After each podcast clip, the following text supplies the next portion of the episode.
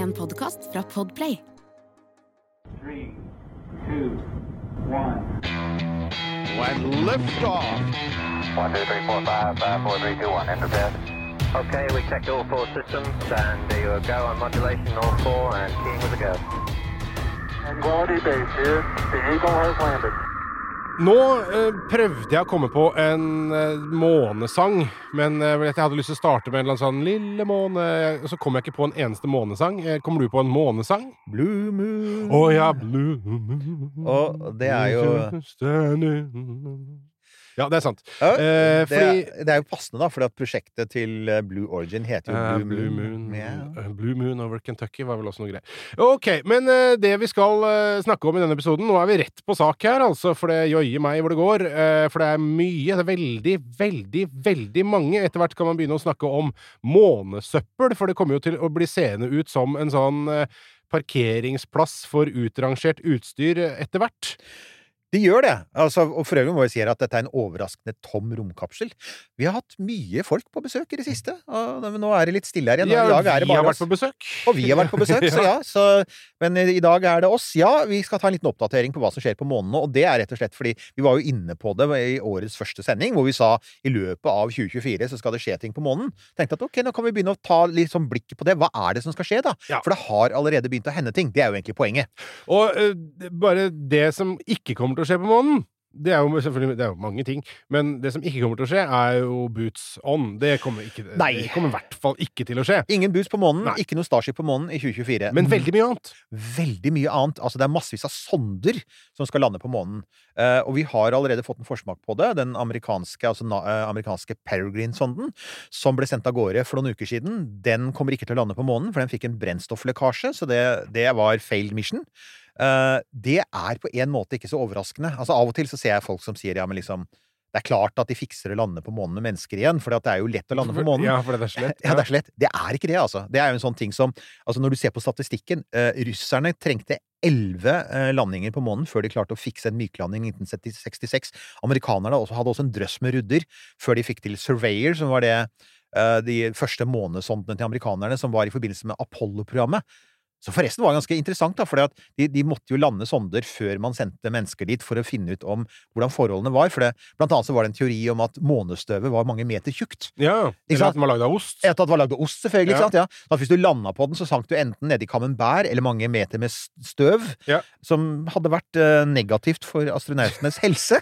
så litt sånn fun fact. eh, Apollo 12 landet jo altså da rett ved Surveyor 3, månesonden som hadde landet her noen år før, og hentet deler av månesonden tilbake til jorda. De landa med presisjon, altså. Det skal man si. Apollo.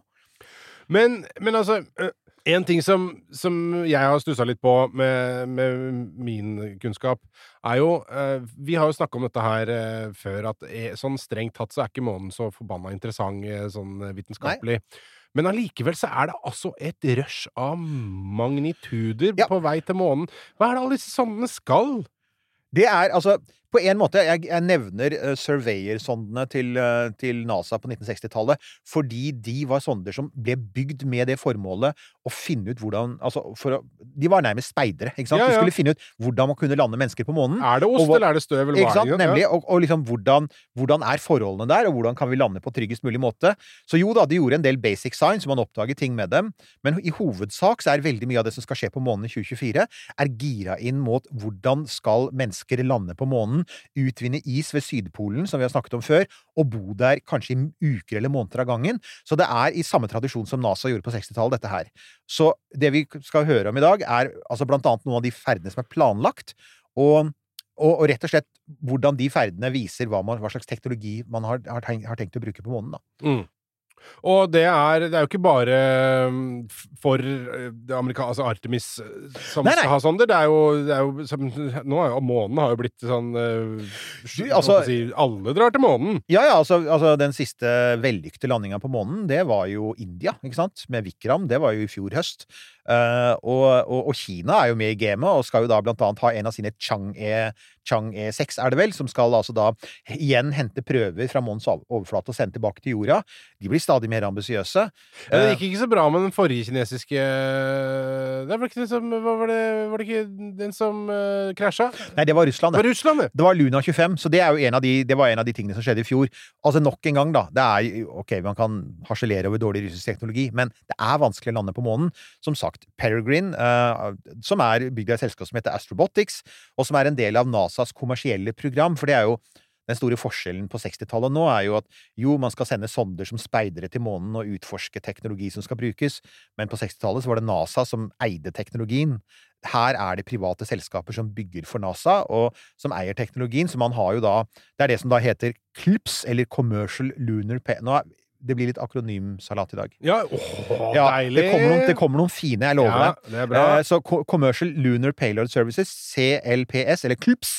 Eh, og CLPS, de De skal da kunne lagt inn en, fått en uh, i-en klips, så det hadde blitt det. Det er en e-commercial. Ja, det er det. en- Jeg syns vi gjør det. Vi sier clips for, for letthets skyld. Altså, det var noe de fant på i 2018, eh, hvor man fant ut at eh, veldig store deler av løftet på månen skal tas av eh, private selskaper, gjerne startuper. Ja. Eh, så NASA satte da av 2,6 milliarder dollar til å brukes over en periode på ti år, og 2,6 milliarder dollar til startup-selskaper er faktisk ganske mye penger. Det er jo Du, det som slår meg helt plutselig nå, som jeg syns er litt rart Hvorfor er ikke SpaceX der? Hvorfor har ikke de noe sonder? Det er Han som er så opptatt av selvkjørende biler, og det er jo mye sånn Det- der som ligger som de kan, og så, men det driver de ikke med. Nei, de gjør ikke det, og det er veldig rart egentlig, fordi at de skal jo både Altså, nå skal de jo til månen på oppdrag av NASA, så der sier nok SpaceX at ok, Clips gjør det for oss, vi trenger ikke å, å, å scoute. Men de skal også til Mars. De skal jo egentlig da offisielt skal, skal SpaceX lande på Mars i 2029. Mm. Og da sier det seg selv at du lander jo ikke, og de har jo allerede sett seg ut noen landing sites hvor de tror det kan være mye vann under eh, jorda, og hvor de kanskje kan produsere vann og metan. Men altså, du, du sender jo ikke et digert Starship dit med alle de kostnadene det har, før du på en måte først har utforsket det. Så det man lurer veldig, så det som mange har lurt på, er liksom hva er planen for det? Burde ikke eh, SpaceX for lengst ha sendt noen sonder til Mars for å utforske de områdene? De Det er mange ting SpaceX for lengst burde ha gjort. ja, og, og der kommer de tilbake til det. Det er jo en ting som man lett glemmer, at de har hatt veldig stor suksess i lav jordbane. SpaceX har aldri sendt noe, noe, noe ordentlig ut i, i det interplanetariske rom. Altså, de har sendt masse sonder av gårde for andre kunder, men de har aldri sendt noe selv, bortsett fra den gamle Teslaen til Elon, Ja. som ble sendt av gårde i sånn vaguely retning av asteroidebeltet for en del år siden. Ja. Men de har altså For uh, Elon liker jo å krangle med andre milliardærer. Blant annet så har han jo da sagt om Blue Origin, som eh, Jeff Bezos sitt selskap, at eh, de skyter jo opp sitt eh, romskip New Shepherd til lav jordbane Nei, til sånn suborbital. De går ja. opp og ned. Ja. Og så sier han da liksom sånn at uh, suborbital is, easy Getting to space is easy, sier han. Getting to orbit is insanely much harder. Og det er sant, Elon, men getting to interplanetary space is even harder. Og det er den biten. Det har ikke de fiksa ennå. Og- Nei, åpenbart, og det har vi jo sett eksempler på at de driver og jobber med fremdeles. Ja, ja, ja. Nei, Ja. altså, de, de sliter jo fremdeles med å få Starship opp i lav jordbane. Ja. si å få det ut i det interplanetariske Mhm. rom. Som man jo nå oppdager er en helt annen skål, og det er jo det vi begynner å se her, er at de private aktørene som forsøker å lande på månen, de har jo slitt. Altså, det første eksempelet, det er jo Det var jo faktisk det året da denne podkasten starta, 2019. Ja. Det var en israelsk sonde som het Bereshit. Eh, og det var da eh, Verreskit. ja, nei, altså Bereshit, jeg vet ikke om det betyr, var det, betyr det spurv eller noe sånt, jeg husker ikke. Men det var altså da, det var første gang et kommersielt, eh, sånn, en kommersiell gruppe, for det var flere, det var eh, israelsk Aerospace, det var en fyr som het Morris Khan, en investor, eh, og noe som heter Space EL, de putta penger i dette her. De putta altså noe sånt som 90 millioner dollar i Bereshit, og det igjen, det er ganske mye. Det er bortimot en milliard kroner i dagens kroner, så Mhm, ja, det er ikke småsummer. Um, ble sendt opp med Falcon 9 i februar 2019. Um, mesteparten av pengene var private, var et par millioner dollar fra staten. Og 11. april så krasja Bereshit, uh, og den krasja da uh, Den fikk et trøbbel med gyroskopene som liksom skal holde attituden.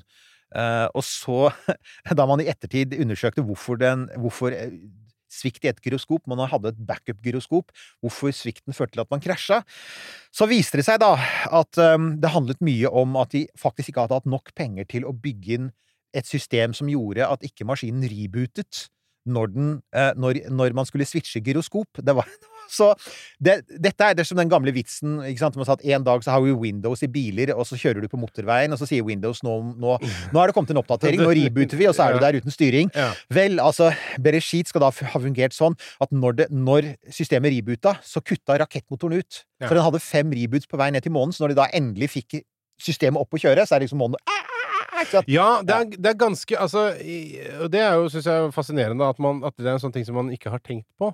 Eh, eller om man har tenkt at ja, ja, det får gå. Da, Eh, ja.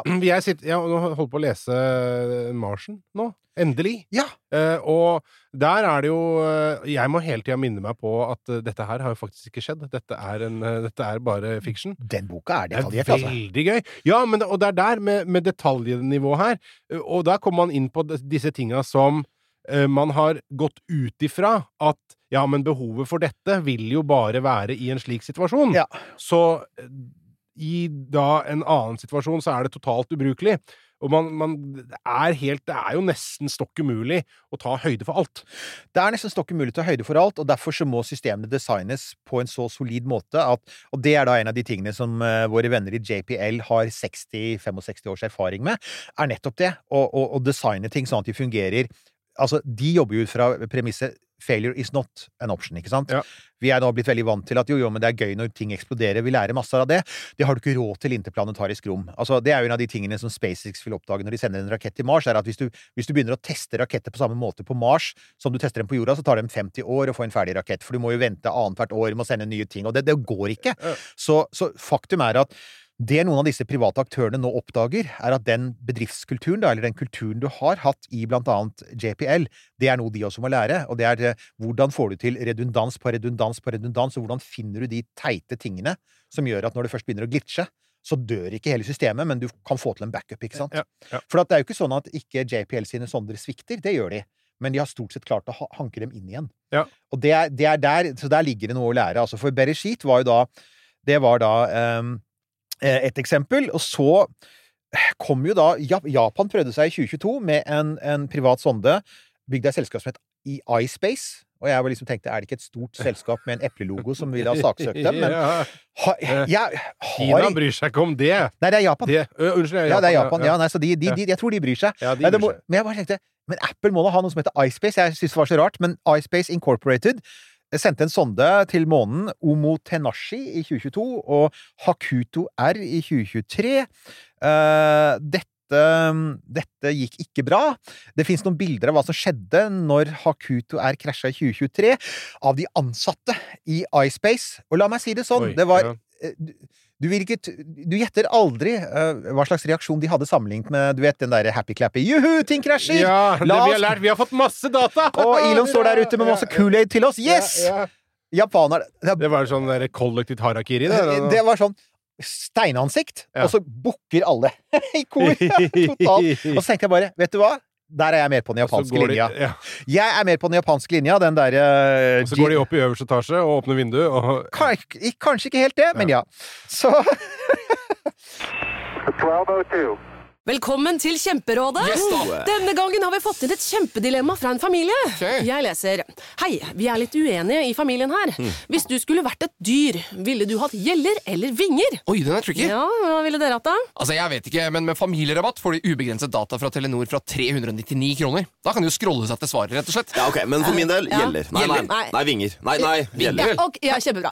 Men eh, se nye mobilabonnement på telenor.no, da. Så, så ja, det, det du ser da, er at disse private foreløpig har hatt en litt sånn dårlig track record, og at de statlige aktørene har faktisk lyktes bedre. Mm. Så er det da Peregrine. Uh, Peregrine, den uh, var altså da Dette er da um, første forsøket på landing uh, i eh, Amerikanske forsøk på månelanding med en sonde siden 1972. Oi, Det jo, da ja. da landa man, man jo med Apollo 17. Dette er også den første månelanderen fra CLIPS-prosjektet. eh, og Peregrine er en ganske stor, den er vel noe sånt som 500 kilo. Den hadde med seg eh, seks rovere, en rover som het Iris, og fem eh, rovere som var produsert i Mexico.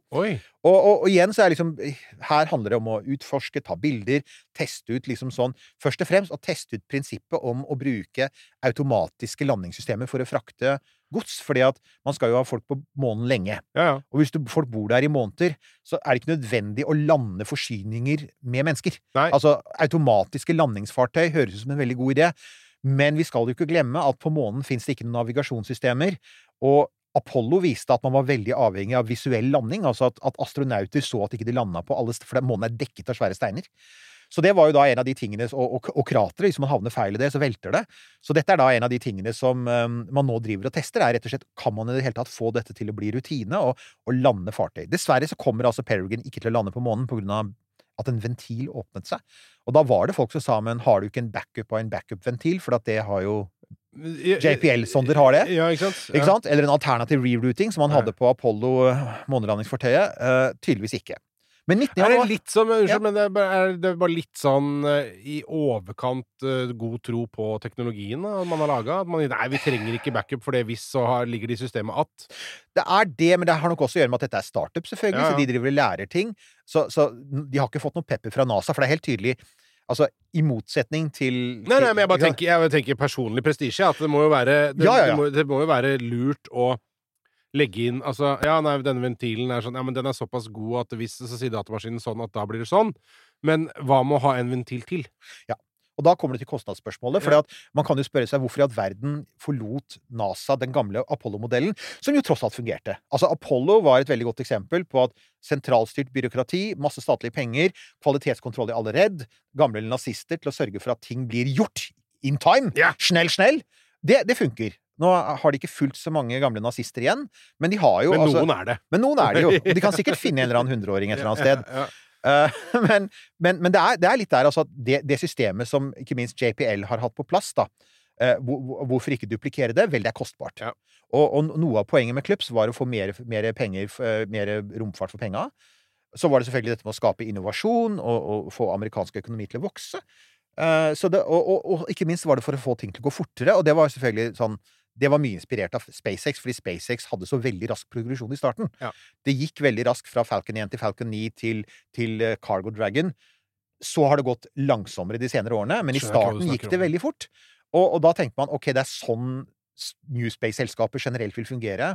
Og så viste det seg at det er litt vanskeligere. Men, Jo. Men, men også det må sies, da, så prøvde JAXA, NAS, eh, Japans NASA de, Her kommer vi til litt sånn akronymsalat. Ja. 19. januar så landet de med SLIM. Jeg er veldig glad for at eh, Jaksa følger den gode NASA-tradisjonen med akronymene. Smart Lander for Investigating Moon. Ja, som er noe av det mest generelle. Jeg tenker, Her har de lett etter ord de kunne putte inn. Uh, Det, vet du, det høres litt Altså, Smart Lander for Investigating Moon Det er, det er eh, det er litt sånn eh, Det er, er- er det litt asiatisk-engelsk? Ja, jeg syns det. Det var det jeg ville fram til. Det var sånn, jeg husker det var en eh, Jeg bestilte noen T-skjorter for mange år siden fra en nettside som het engrish.com. Og der var det mye Og den, sånn der derre Evil and Poisonous Rubbish, husker jeg hadde en T-skjorte. Ja, ja. Og det her er det. Dette her eh, Slim faller inn under den der. der altså Smart Lander for Investigating Moon. ja. Ja. Den er også Akon Lunar Sniper. Ja, Lunar Sniper. Og, det, og det, det, det, var, det var poenget at hovedformålet med denne, det var å teste veldig presis automatisk landing. Ja. Og, og det er fordi at vanligvis når man lander automatisk på månen, så har du en såkalt landingsoval. Det vil si at du har et område på månen som du håper på å lande innafor, og så skal du navigere deg innenfor den landingsovalen, så skal du forsøke å finne, ja, finne et område som ikke har store steiner. Det er for så vidt sånn eh, Perseverance landet på Mars. Du hadde en sånn, så en landingsoval kan da være på sånn typ fem, fem ganger ti kilometer, og innafor der vil du treffe. Men Sniper var mye mer slim. Sniper Herregud. Ja. Vær så snill, da. Uh, hvorfor kunne dere ikke tatt litt sånn One shot, one uh, jeg- kill, ja. sniper. Ja, ja de, de kunne holdt seg til japansk mytologi, som de har gjort tidligere. Sant? Men det, det lyktes de med. De landa innafor 100 meter av det de hadde bestemt seg for på jorda, som er bra. Ja, det er veldig lykkes bra. de. Så det lyktes de med. Det gikk bra. Problemet var at på slutten der så eh, endte de opp med å lande opp ned. Så hele, hele, hele Slim står på huet. Eh, de hadde litt problemer med Der var det noe, noe brennstoff som kom ut på litt feil tidspunkt og sånn. Altså, det må jo være den ultimate sånn inn i fuck-greie som skjer. Altså, du, du har, du har altså, Her kommer, der kommer du da fra jorda og lander da, og så lander du, og så bare Nei. Ja. Å, faen. Ja. Velta. Alt annet funker. Ingenting gikk i stykker, men bare velta. Det er litt sånn diskusjon om hvorfor de velta, om de landa på feil i et, altså om de havna på skrå i et krater, eller om det var noen sånne problemer på slutten. Men det interessante er at fordi månens gravitasjon er så lav, og de var så nær bakken, så, så fungerer sonden fortsatt å fungere. Ja, Den hadde 12% batteri igjen, den skal lades opp med solceller, og det man da nå gjør, er å vente til sola står i riktig vinkel, for å se om Ja, de for dette er nå nylig. Ja, det er nå nylig. Dette Ja. var 19. januar. Ja. Så det man håper nå, er at det skal bli, komme nok sol på den, at den kan lades opp. Men det den klarte, var å slippe ut to rovere. Og de, oh! Ja, ja, ja. Og roverne heter noe Ja, så det var de som tok bilde av den! Ja, ja, ja. Den den på Så det, ja. det fins jo bilder av Slim som står på huet. Men, oh. men det det viser, da, er nok en gang Space is hard. Ikke sant? The moon is much, much harder. Mm. Det er det, altså. Man undervurderer ikke månen. Men så er jo da eh, Og, og, og dette, er jo ikke, altså, dette er jo ikke uvesentlig. Altså, når Peregrine ikke når fram til månen, så går jo det også på hvor raskt man kommer i gang med Artemis og landing med mennesker. Så man, nå er jo, nå er man jo trenger dataene. man trenger dataene! Ja. Ikke sant? Og ikke minst så trenger man å komme seg til Sydpolen og se om den der isen finnes der, da. Ja. For hele argumentet for å reise til månens sydpol, som er mye vanskeligere enn å reise til ekvator, sånn som Apollo gjorde, er jo at de skal lete etter is under støvet. Ja. Men da må du først bekrefte at den finnes. uh, og vi kommer snart tilbake til en gammel kjenning som, som skal gjøre akkurat det i løpet av høsten. Ja. Så, så uh, ja, det, det, dette handler om at uh, hvis det fortsetter å krasje, så blir jo Artemis ytterligere forsinket. Og selvfølgelig en annen ting. Kina er på ballen. De har altså da Chang'e 6 som skal lande og ta med seg prøver. Og de har flere i løpet. Og akkurat nå så har kineserne fem aktive eh, sonder og orbitere eh, rundt på månen. Eh, amerikanerne har tre. Ja. Så Kina, Kina har faktisk mer aktivitet på månen enn USA. Og dette, det var nettopp en kongresshøring hvor nå, nå vifter man med Kina-flagget. Nå trekker man Kina-kortet hele tiden og bare sier vi må skynde oss, for Kina er nå veldig klare på at de skal haste haste på månen Ja, for det, å vi, det, det har vi jo vært klar over en stund, at Kina virkelig er på offensiven. Og så Jeg har, tenker jo litt som så. Det er ikke framtidsstrategisk, det er bare realistisk. Jeg tenker at jeg har en liten knapp på Kina, ja, altså. Jeg tror, jeg tror Ja, at de kommer til å ha folk der før eh, Artemis eh, gjør det. altså, jeg tror du er inne på For det Kina gjør, er at de følger Apollo-modellen. Ja, de er De- praktiske de er- pragmatikere pragmatikere som er sånn Det skal funke, og du veit at når kineserne bestemmer seg for at noe skal funke, ja, så funker det. Altså, det er jo, det er jo sånn at eh, etter Apollo-programmet så ble det jo faktisk gjort en evaluering og oppsummering av hva som gjorde at Apollo var en sånn stor suksess. Eh, og, det, og og det, blant annet så finnes det et NASA-dokument som heter Why Was Apollo a Success? Og um, det finnes en, uh, en um, YouTube-kanal som heter Smarter Every Day, hvor det er en, eh, som har, han som driver den, har holdt et foredrag for eh, NASA-ingeniører og andre ingeniører om hva som er problemet med Artemis-programmet, blant annet at det er veldig komplisert, og at det er dårlig kommunikasjon, og alt dette er helt sant. Men han, jeg synes, noe av det mest interessante han sier, er at han sier We have a playbook. For de som kjenner amerikansk fotball, playbook er, det er sånn du planlegger en kamp. Han sier vi har faktisk en oppskrift på hvordan du kjører et vellykket måneprogram eh, fra start til mål. Og den oppskriften følger vi ikke nå. Vi avviker fra den, og jeg skjønner ikke alltid hvorfor vi gjør de valgene. Hvorfor vi ikke går tilbake til og sier oi, vi har gjort det før, eh, det funka, og det var ikke, det var ikke flaks, det var gode prinsipper. Hvorfor dropper vi disse prinsippene? Og et av, de, et av de valgene som NASA gjorde, som kan vise seg å være veldig kostbart, er jo at de at jo, de ga, altså de ga ut disse private kontraktene, Clips, og dessuten da private månelandinger til Blue Origin og SpaceX. Det kan vise seg at det der var et feil steg. Alle har sagt at jo, men så smart, fordi at New Space kan løse problemet. Nå ser vi at New Space sliter nok litt mer enn man hadde Det vet vi at de, sliter mer enn man hadde forventet. Um, og da blir jeg igjen sittende med den der tanken om at ja, New Space kunne nok sikkert løst det, men Newspace er jo veldig ambisiøse. De er det. Eh, I overkant ambisiøse, for det er noe med størrelsen på ting, ikke sant? Ja. Og det er jo der mye av problemet ligger. Det er størrelsen på det. Ja. Så eh, jeg vil jo så Etterpåklokskapens navn, selvfølgelig, så, så er det jo lettere å tenke deg at istedenfor én stor, så kan man ha mange små. Så er det jo selvfølgelig at det ligger jo tross alt litt i disse selskapene. De skal hente inn, altså de får penger fra NASA, de skal også hanke inn penger fra private investorer. Det er private selskaper. Ja, og da må det være spennende. Da må det være spennende, og da må du ha ambisiøse mål. Ja. Og det gjør jo at overpromise og underdeliver er ganske vanlig med denne typen startuper. At vi sier 'Å, vi skal revolusjonere telekombransjen om tre år', ikke sant? Og så 'Å ja, det ble kanskje ikke det'. Nei. Men du fikk hanka inn noe penger. Det ble Ludo Ludo Store. Ikke sant? Ja, men det er litt der, altså. Og det, du kjenner jeg, jeg ser jo når jeg går inn på sidene til en del av disse Newsels- Newspace-selskapene eh, og, og det gjelder alle. Det gjelder ikke bare det vi vanligvis prater om, uh, som lover all verden, ikke sant? Altså, de lover veldig rask progresjon, og de lover store gjennombrudd, og massevis av teknologiapplikasjoner for jorden. Store, fine ord. Og det, det er ikke bare selvskryt, det er jo fordi de faktisk er på jakt etter penger. Ja. Uh, og den mekanismen der Jeg lurer på om gamle, liksom solide NASA ble litt sånn fanget De ble litt sånn De ble veldig inspirert igjen av suksessen til SpaceX og sier sånn Wow, dette er fremtiden. Og jeg må jo si at jeg en stund også tenkte dette her ser veldig bra ut. Men nå har det gått en del år, og nå ser vi at det er noen sider ved dette som Men her er greia, da. Dette 2024 blir året Ja, hvor vi får vite. Ja, dette blir det året da vi får vite om denne Newspace-modellen funker. Ja. Fordi at det stopper jo ikke med Peregrine.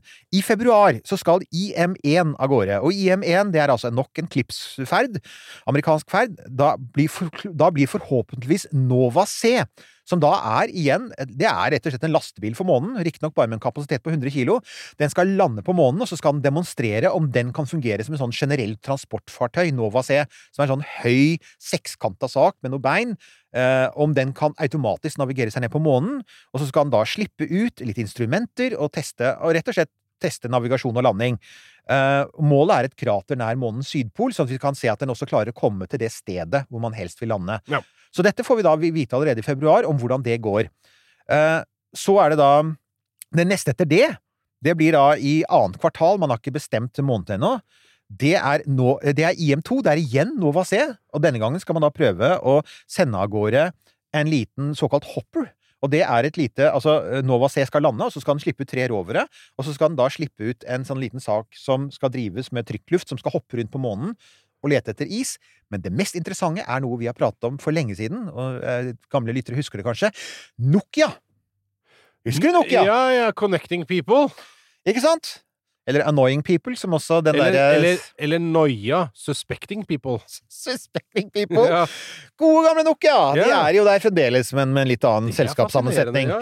Nokia har da funnet ut at de skal blant annet gå for space. Terbetola. Ja. Ja. Og det de skal gjøre, er De samarbeider. De er på IM2. De skal plassere den første 4G slash LTE basestasjonen på månen. Og den skal da stå på Nova C, og den skal kommunisere med en rover. En av disse roverne som skal ut, den heter um, MAP, og det er en liten NASA-rover som er ute etter, som er sånn prospecting. Den skal lete etter, den skal finne måter å lete etter is og andre nyttige ressurser på. Så MAP skal kjøre rundt, og så skal den kommunisere via mobilnettet. Og så tenker man ja, men hvorfor det? Og så sier da eh, Nokia fikk jo da gjennomslag hos NASA for dette argumentet, som er hvorfor ikke bruke eksisterende teknologi? Hvorfor finne opp hjulet på nytt? Eh, 4G, det veit jo alle vi som har hatt 4G. 4G funker jo. Altså, så, så sant det står en basestasjon der, så er Ja, ja, 4G pålitelig.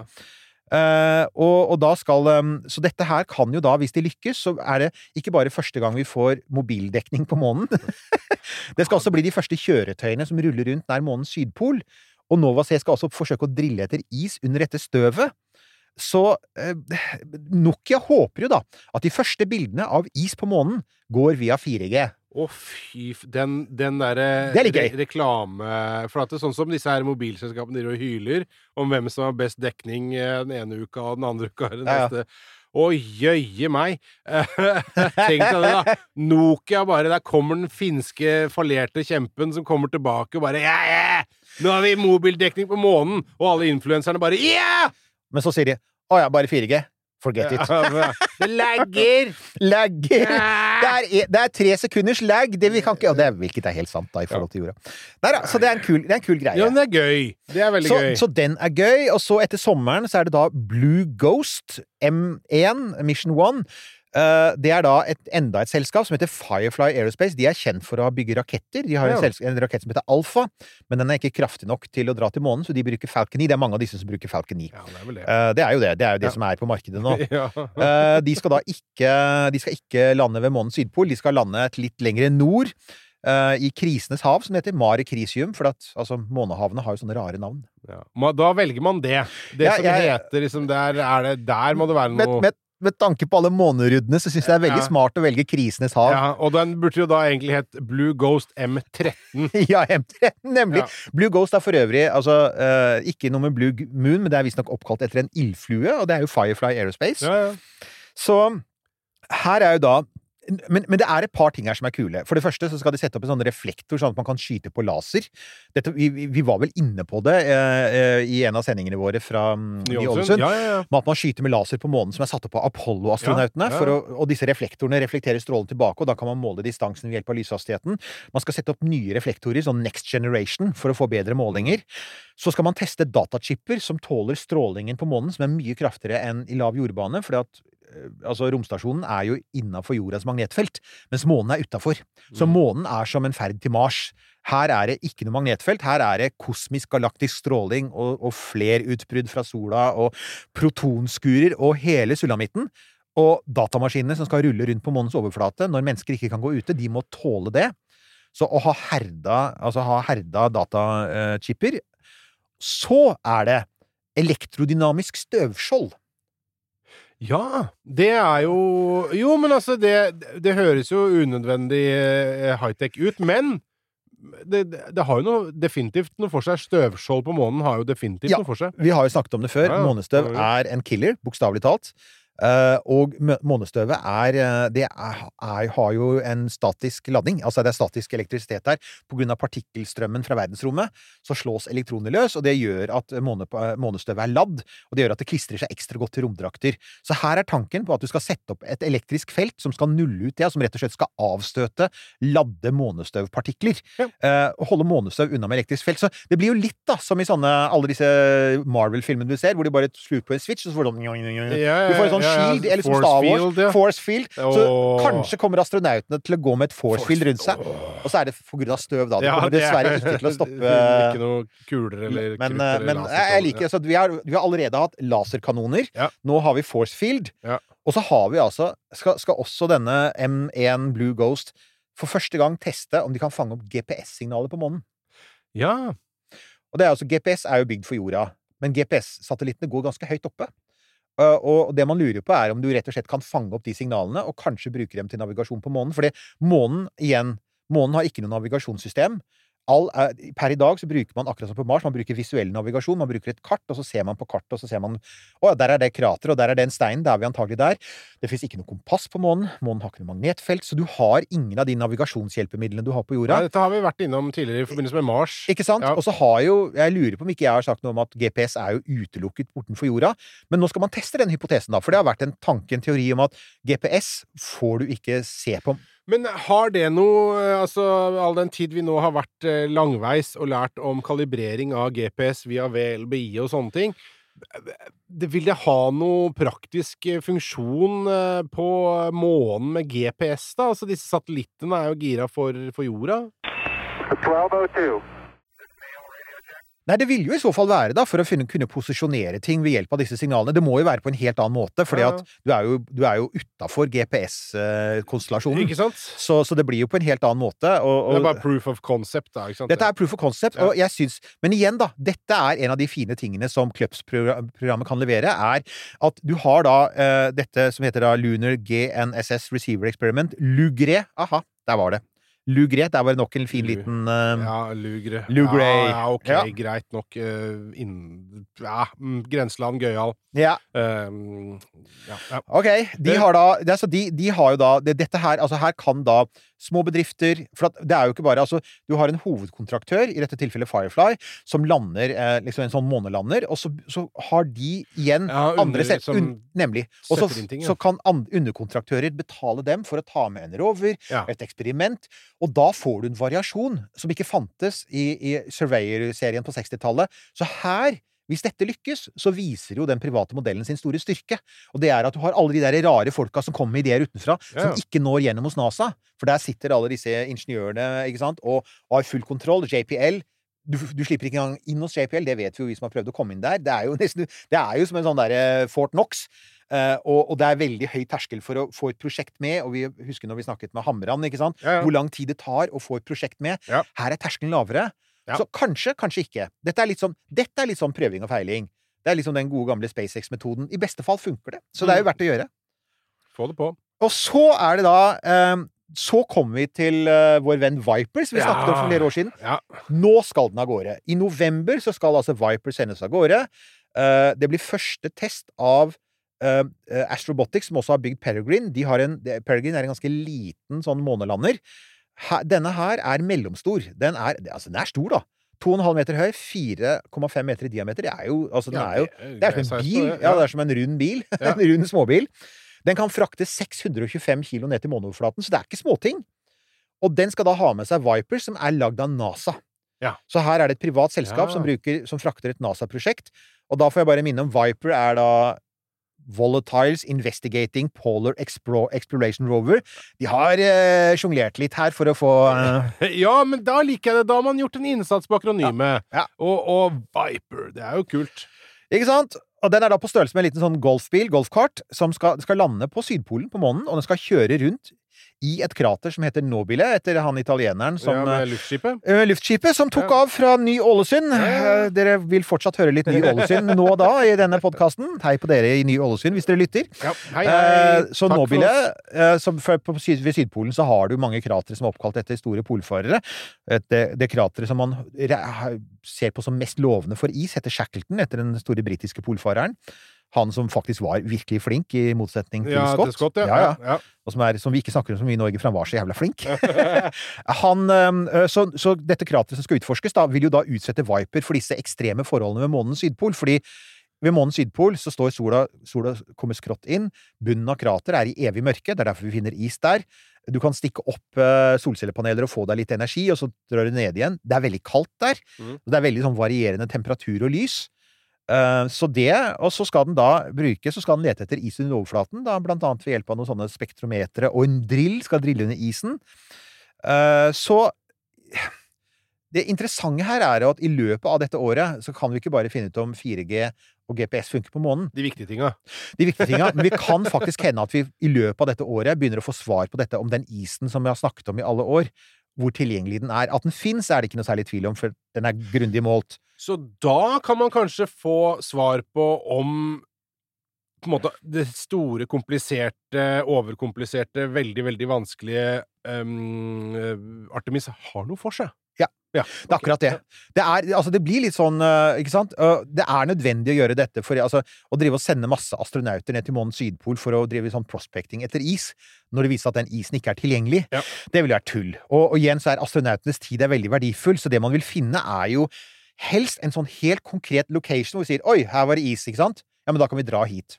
Og da setter vi roveren der, og så bruker vi den som merkepæl. Ja. Da vet vi at når du ser den roveren, så, så vet du hvor du er hen. Det det er vel egentlig planen her. Mm, mm. Og så er det da Det er litt usikkert om man rekker dette i, i 2024, men, men altså, igjen Det, man gjør ikke det. Hvis det er usikkert om man rekker det, så gjør man ikke det. Nei, men det er IM3, eh, Ja. og det er, eh, det er altså Nova C-landeren Igjen igjen. denne her, eh, ja. Den skal igjen ha med seg denne her Mobile Map. Mobile Autonomous Prospecting Platform, som er da NASAs lille sånn prospecting-rover. Og her har vi jo da Her har vi en akronymfest. Ja, det, det Kjør nå blir det på. gøy. Eh, vi har da Kadre. eh, Cooperative Autonomous Distributed Robotic Exploration.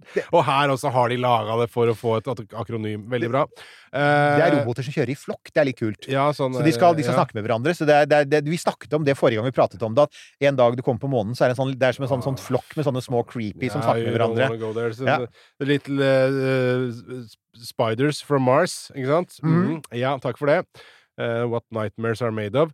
Moonlight. eh, og dette her syns jeg er et dårlig akronym, fordi her har man bare tatt et ord, Ja. og så har man satt ting inn i det ordet. Ja, ja. Eh, eh, moon Laser Instrumentation for General Relativity High Accuracy Test. Det er en, det er en retroreflekt, en sånn Et speil, altså. Ja, det er et speil. Avansert speil. Ja, ok. Men det har et fett navn. ja, ja. ja. Og det var en belivet eh, kveld på puben. Ja, eh, oh, darling, eh, I just uh, watched myself in the General Relativity High Accuracy Test uh, reflector. Uh, how do I look? Ja, du ser bra ut. Lunar Space Environment Monitor. Lus... Lusem. Ja. den er ok. Ja, den er bedre. Men da vil jeg si Jusem og Lusem. Hallo! Jusem og lusem. Det er, det er Korea, faktisk. De skal måle noen sånne høyenergipartikler. Og igjen, da. eh, Vi veit jo at, eh, at månens miljø er, er røft. Og det er, det er mye høyenergipartikler som ikke er bra for helsa og for genene dine og for muligheten til å få barn og slike ting. Så, så det er absolutt nødvendig. Så mange av de eksperimentene som skal opp i løpet av dette året, kommer også til å ha et sånn i bakhuet, sånn se på, på, på strålingen. Mm. Og så er det da eh, Hakuto R, denne private iSpace, disse folka som ennå ikke er blitt saksøkt av Apple. Ja. Eh, Hakuto R Mission 2. De prøver seg igjen med en rover som heter Og det, det, jeg fant ikke ut hva akronymet betyr, men roveren heter jo da Resilience, med store bokstaver. Så jeg antar at dette er sånn Rover for Exploration of International Lunar International eh, Everybody. Mm. NCE. Det er mulig at det er en sånn asiatisk T-skjorte igjen. Ja, hvis vi skal dømme ut fra forrige, så er det det. Ja. Resilience er da Det er jo sånn eh, motstandsdyktighet. Ja, de altså, bare det, finner kule navn, de. ja, det er sånn Vi har krasja før, vi prøver oss igjen. Resilience. Ja, ja, ja. ja, ja, ja. Ja, her skal de da blant ha med seg eh, det som er en mikrorover, som er på fem kilo, på størrelse med en melkekartong. Den skal ha med seg det jeg kunne finne ut, den skal ha med seg en liten spade, og så skal den grave opp regolitt, altså månestøv, og så skal den ta bilder som sendes til NASA. Og jeg tenkte OK, og Og? ja. Det er, liksom, det er litt sånn litt selfiesat-aktig. Look, I'm digging! ja, Se, mamma, jeg leker i se- ja, lekekassa! Ja, ja, ja, jeg har sånn- en sånn, spade! sånn. spade! Ja. Ja. Hvis det er noen som jobber for iSpace som hører på det, så kan dere gjerne ta oss for dette. Men det var det jeg klarte å finne ut, da. Fordi uh, mange av disse prosjektene er jo Altså, når man researcher dem det er mye market speech, altså. Det er mye sånn derre Vi changing the Going to the moon for a better earth, og changing the world one rover at a time, og sånn. OK, men liksom Kan dere ikke bare fortelle oss hva, crap, altså. ja, hva er det dere har tenkt å gjøre der oppe? Ja. Men jeg tror det vi egentlig kan oppsummere på å si, er at det kommer til å skje mye kult på månen. Eh, Det blir nok noen flere rudder på vei til månen, for det er altså igjen The moon is harder than you think. Men det kommer også til å være en del vellykka landinger. Og det hadde jo vært utrolig kult og igjen om vi så 4G på månen, og ikke minst da om vi finner is på månen i løpet av Det er, jo 2024 kanskje, det er jo det viktigste. så er det ikke bare en, er ikke det bare en stor vitenskapelig oppdagelse, et sånt langt skritt fremover for månevitenskapen, men det er det som legger grunnen for at ja, det er jo at forutsetningen Ja. for videre Hva skal man kalle det? Kolonial, kolonialisering eller drift på månen? Er Det er det. det.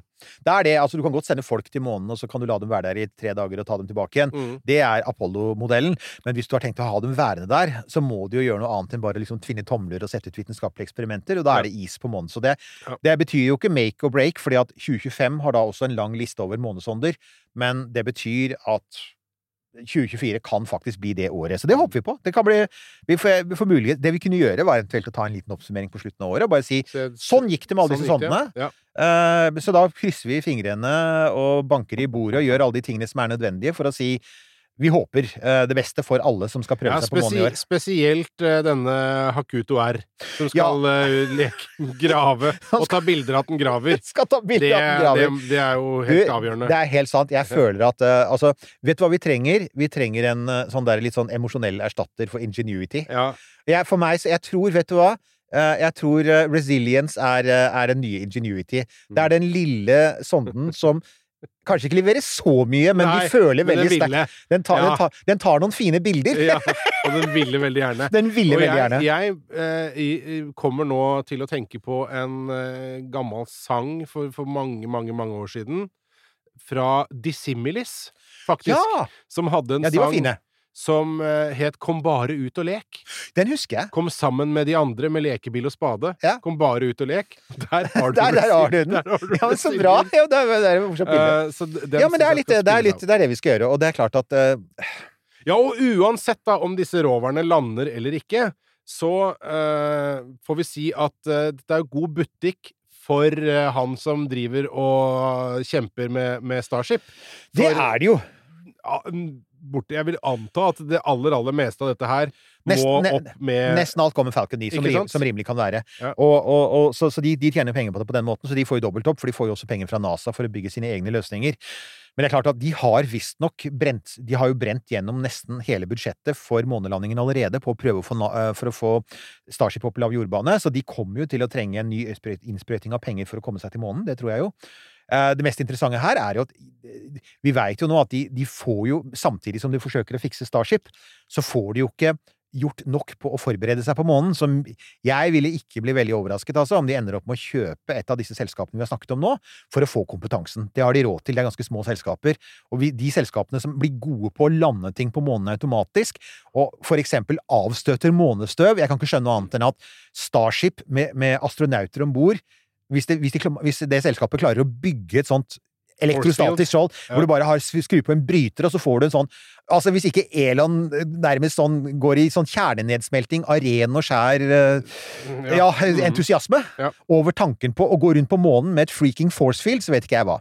Så det er min spådom. Månen hans kommer til å gå med det forcefieldet overalt, da. Han kommer til å ha det på jorda òg, han. Ja, ja, Helt garantert. garantert. Ja, ja. Oi, oi, oi, det blir hektisk. Mye som skjer. Det gjør det. Og i mellomtiden så er vi jo fremdeles da på Facebook. Uh, uhyre sporadisk på X. Twitter. ja. uh, Hvordan er det med TikTok-kontoen? Ja, TikTok-kontoen uh, hver, hver gang det nevnes Nei, jeg la jo noe ut fra, fra Noe fra Ny-Ålesund, sånn Ja. aktig. Mm. Eh, jeg får jo masse, masse views, men uh, ifølge min sønn så er det bare folk scroller forbi, får du ut views. Og ja, okay. han sa, for jeg sa 'Å, se! Jeg har fått 900 views på denne litt sånn kjedelige videoen og jeg som går ned en trapp', eller noe sånt. Eller, jeg, det, altså, jeg lurer på det er deg som setter opp noen mikker på Andøya. Ja. Ja, det var sånn massevis av views, og sa han jo, men det er liksom hvis du bare scroller forbi, får du en view, og jeg bare øh. Å, ja, okay. men der har dere det. Så Det var det. Eh, vi har en liten periode vært eh, utsolgt eh, for størrelse large i T-skjorter. Det er nå tilbake på lager. Mm. Så gå inn på romkapsel.no og bestill deg en T-skjorte eller en kopp eller en sånn fiffig tote bag. Det setter vi jo veldig pris på, for det er inn i reisekassa vår. Og Ja, det setter og- vi veldig pris på. Takk for det. Og det samme med VIP, selvfølgelig. Romkapselen Newton Halvorsen. Altså, når du nevner det, så må jeg bare, før vi slipper deg, kjære ørevenn, så, så må jeg bare eh, bruke et sekund på å finne et bilde her. Fordi jeg eh, tok en eh, screendump av dette her. Eh, Finn Håkon Borgi, eh, må jeg bare si. eh, Som ved flere anledninger har vært inne på Vips og gitt oss eh, 1000 kroner. Herregud, tusen takk, Så Finn Håkon. eh, og til alle andre også, som, Ja, ja. som frivillig donerer på, på Vips. Hjertelig tusen takk for det. Og, og dere vet jo av vår Andøya-tur at det, det går til et godt formål. Det gjør det. Det gjør det. Vi kommer til å reise mer i år. Det har vi gjort en del, og vi kommer til å fortsette å gjøre det. Eh, Så um, det, takk for det. Tusen hjertelig takk. Og så høres vi eh, neste gang du trykker på play. Du har hørt en podkast fra Podplay. En enklere måte å høre podkast på. Last ned appen Podplay, eller se podplay.no.